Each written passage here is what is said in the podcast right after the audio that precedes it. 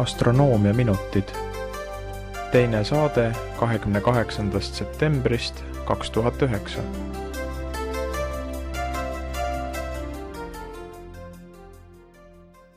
head astronoomiahuvilised, alustame astronoomiaminutite teise saatega. mina olen Taavi Tuvikene. ja mina olen Tõnis Heinmäe. seekordses saates teeme ülevaate oktoobrikuu esimesest poolest.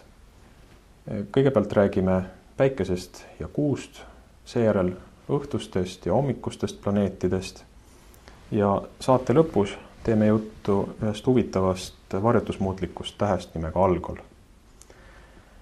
aga kõigepealt võiks rääkida siis päikesest ja kuust. päike käib äh, oktoobrikuu alguses üha madalamalt taevas ja päeva pikkus äh, lüheneb päris nii märgatavalt juba selle kahe nädala jooksul, umbes tund aega. ja päikese tõus nihkub järjest hilisemaks ja siis oktoobri keskel on see juba seal kolmveerand kaheksa paiku ja päikeseloojang tuleb järjest varasemaks ja oktoobri keskel loojub päike juba peaaegu kell kuus, mõni minut hiljem astronoomiahuvilistele on põhjust päikese puhul ka natukene lootust anda. Nimelt siin möödunud nädalate jooksul on päikesele ilmunud esimesed plekid peale päris pikka vaheaega, kus päike oli nädalaid ilma ühegi plekita. ja sellega võib-olla võib arvata, et päikese aktiivsuse uus tsükkel on äh, alanud. Neid päikeseplekke on võimalik küllalt hästi isegi väikese teleskoobiga vaadelda, äh, kui projekteerida päikesekujutis läbi teleskoobi valgele paberilehele.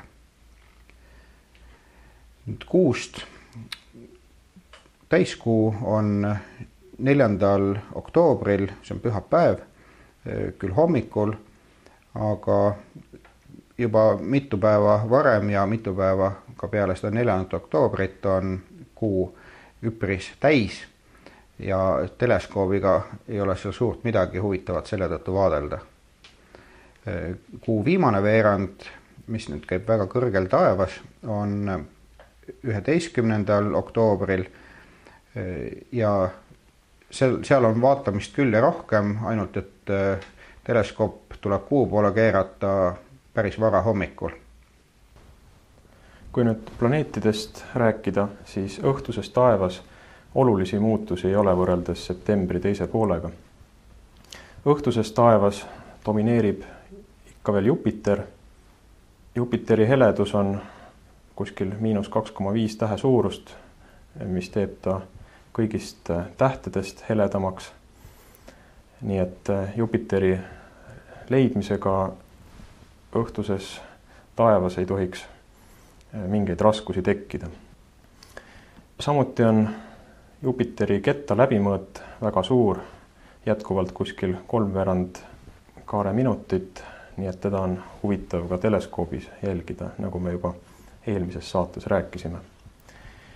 küll aga tuleb varasemaks äh, Jupiteri kulminatsioonihetk ja, ja loojumine kui äh, oktoobri esimestel päevadel kulmineerub Jupiter kuskil enne kella kümmet, siis äh, kuu keskel juba kella üheksa paiku ja kui Jupiter loojub oktoobri alguses kella kahe paiku, siis äh, kuu keskel loojub ta juba kell üks öösel. õhtuses taevas on ka Uraan ja Neptuun Need on siis äh, sellised planeedid, mida palja silmaga ei näe, nende leidmiseks läheb tarvis vähemalt äh, binoklit. ja nende nähtavus on ka praktiliselt äh, sama, mis, mis septembri teises pooles. nüüd hommikupoole ööd ilmub taevasse planeet Marss. Marss tõuseb oktoobri esimeses pooles veidi pärast kella üht-teist, tõusuaeg kahe nädala jooksul oluliselt ei muutu. Marsi nähtavus paraneb järjest ehkki Marsi vastasseisuni on veel tublisti aega, Marsi vastasseis tuleb järgmise aasta jaanuari lõpus. aga oktoobri esimese kahe nädalaga muutub Marss veidi heledamaks kuu alguses on heledus null koma kaheksa ja kuu keskel null koma kuus tähe suurust. Marsi ketas läheb ka veidikene suuremaks, aga jääb siiski veel küllalt väikeseks, et olla nüüd väga põnev vaatlusobjekt. aga mida Marsi puhul tasub märkida, on tema asend tähtede suhtes. nimelt paikneb Marss kaksikute tähtkujus, kus on heledad tähed Castor ja Pollux ja kuskil kaheteistkümnenda, kolmeteistkümnenda oktoobri paiku jõuab Marss oma äh, teekonnal sellisesse asendisse, et, et ta moodustab Castori ja Polluxiga ühe äh, rea, nii et äh, Castor, Pollux ja Marss moodustaksid justkui kolmikute tähtkuju. Hommikuses taevas on peale Marsi näha Veenus, Merkuur ja Saturn. ja Veenus on endiselt hästi nähtav. tema heledus peaaegu ei muutu, kuid tema kaugus meist kasvab üsna tublisti ja seetõttu ka tema kette läbimõõt. et kuu, kuu keskel on Veenus peaaegu juba ümmarguse kettaga oktoobri esimesel poolel äh, liigub Veenus taevas Päikesele järjest lähemale äh, ja seetõttu muutub järjest hilisemaks ka Veenuse tõusmise aeg.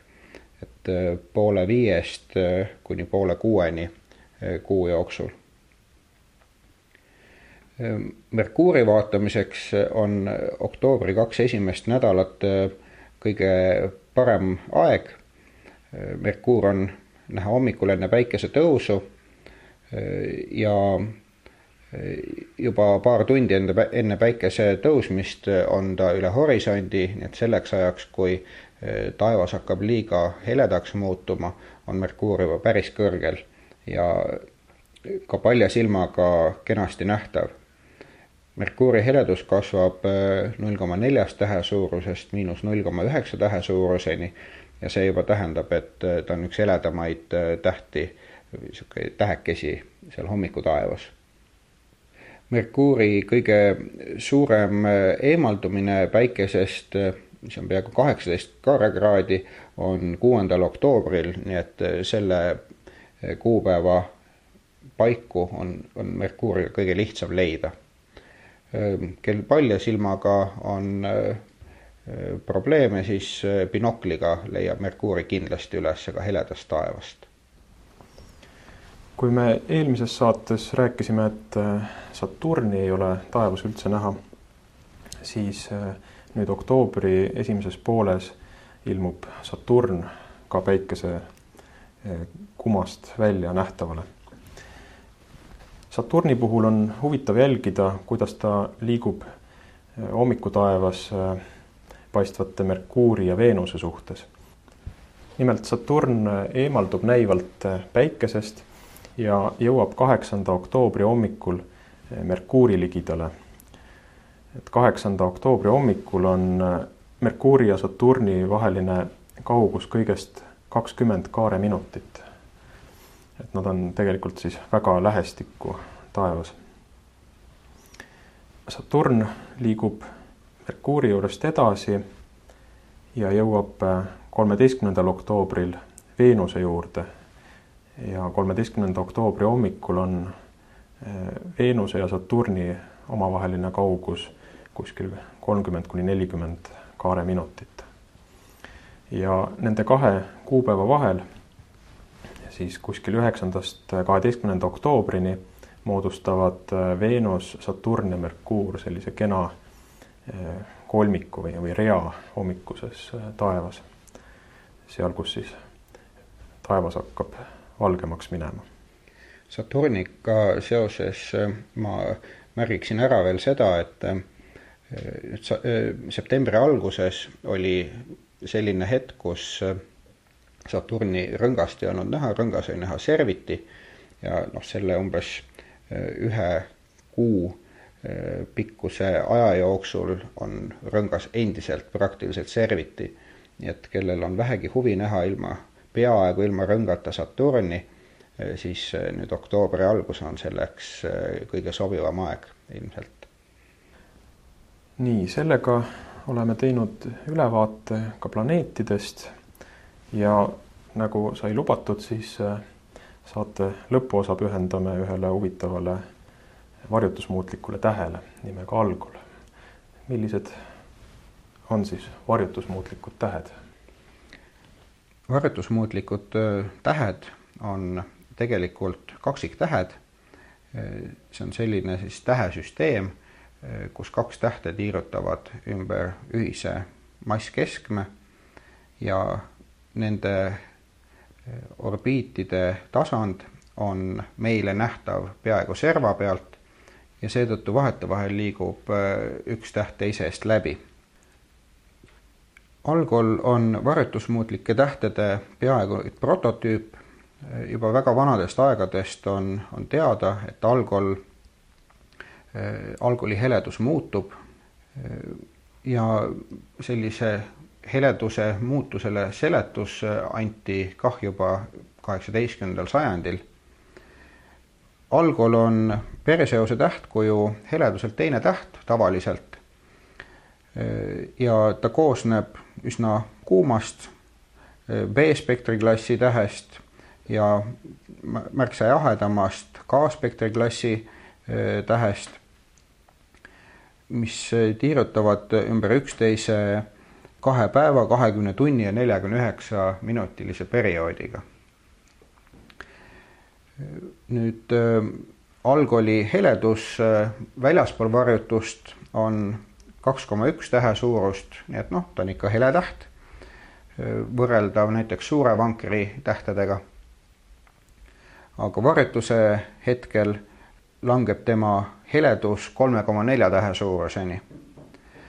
ja kui veel siin mõni kuu tagasi ma mõtlesin ise, et, et no mis see, mis see algkoolivarjutus siis ikka on, et seal üks koma kolm tähe suurust kah asi, siis äh, septembri alguses oli võimalik äh, mul seda otsast lõpuni ise jälgida, seda varjutusse minekut ja tõepoolest see koht, kus enne oli hele täht, seal pärast oli näha küll täht, aga ikka noh, niisugune nõrk tähekene, milliseid oli ümbruskonnas päris palju teisigi tasub vast ära seletada, mida tähendab tähe suurus. et kui heledus muutub ühe tähe suuruse võrra, siis see tegelikult tähendab, et heledus muutub kaks ja pool korda. nii et kui äh, algoli miinimumis on ta nõrgem üks koma kolm tähe suurust, siis see tähendab, et see heledus langeb üle kolme korra. Jah ja algkooli varjutused on selles mõttes päris tänuväärsed, et äh, varjutuse kestus on ligi äh, üheksa pool tundi ja seetõttu see heleduse kahanemine ja heleduse kasvamine äh, on sinna nelja ja viie tunni vahele, mõlemad jäävad. ja seetõttu on algkooli varjutust võimalik päris kenasti ühe õhtu jooksul jälgida. Oktoobri esimesel poolel on soodsad varjutuste päevad teisel oktoobril, mil varjutus toimub hommikupoole kell neli. Hommikul on see miinimumhetk. viiendal oktoobril on varjutus äh, kella ühe ajal öösel ja seitsmendal oktoobril kakskümmend üks, nelikümmend üheksa. ja eriti just see viienda oktoobri varjutus on kõige paremini jälgitav selle tõttu, et kui päike läheb looja juba seal kuskil enne poolt seitset, siis jõuab pimeda ajal ära näha terve varjutusse mineku. nüüd seitsmendal oktoobril on parem võib-olla jälgida varjutust väljatulekut, kuid siis varjutusest väljatuleku aeg jääb ikkagi juba varastele hommikutundidele. Algkooli puhul tasub rääkida veel sellisest huvitavast äh, asjast, mille nimi on algoli paradoks. nimelt, kui on üldiselt teada, et massiivsed tähed arenevad kiiremini ja on ka teada, et kaksiktähtede komponendid tekivad enamasti ikkagi ühel ajal, siis võiks ju eeldada, et, et algoli süsteemi massiivsem täht on kaugemale arenenud ja vähem massiivsem täht ei ole nii kaugele arenenud, aga tegelikkuses on asi vastupidine. nimelt äh, massiivsem komponent on ikka veel peajada täht ja väiksema massiga komponent on juba äh, punase hiiu staadiumis. et see ongi siis see paradoks. aga sellele on ka lahendus välja pakutud, mis on astronoomias tunnustust leidnud. nimelt äh, toimub aine ülevool ühelt tähelt teisele. et kui massiivsem täht areneb kiiremini ja jõuab äh, Hiiu staadiumisse, kus, äh, kus täht paisub, siis võib juhtuda, et algab aine ülevool ühelt tähelt teisele ja nii ongi juhtunud algkolisüsteemis, et äh, algselt massiivsem täht on hakanud ainet ära andma, see aine on kandunud äh, väiksemale, vähem massiivsemale komponendile ja selle protsessi tulemusena see täht, mis algul oli massiivsem, on andnud nii palju ainet ära, et on nüüd hoopis äh, väiksema massiga. Ja see täht, mis oli algul väiksema massiga, on nüüd suurema massiga selline seletus sellele algkooli paradoksile. nii, sellega hakkab meie seekordne astronoomiaminutite saade lõppema. kutsume jätkuvalt külastama astronoomia.ee lehekülge, kus on nüüd uudisena võimalik lugeda ka lühisõnumeid astronoomiast. ja need lühisõnumid ilmuvad originaalis aadressil twitter.com kaldkriips astronoomia, kus saab jälgida siis eh, kõiki neid lühisõnumeid ja, ja saab eh, neid ka endale tellida. ja kolme kõige värskemat lühisõnumit näeb siis eh, astronoomia.ee lehel paremas veerus ja kui teil on tekkinud mingeid huvitavaid küsimusi või teemasid, millest te tahaksite kuulda astronoomia minutite vahel, vahendusel, siis me ootame teie ettepanekuid astronoomia.ee foorumis ja katsume jõudumööda siis küsimustele vastata. selleks korraks lõpetame, soovime teile selgeid öid ja Kuulmiseni. jääme kuulmiseni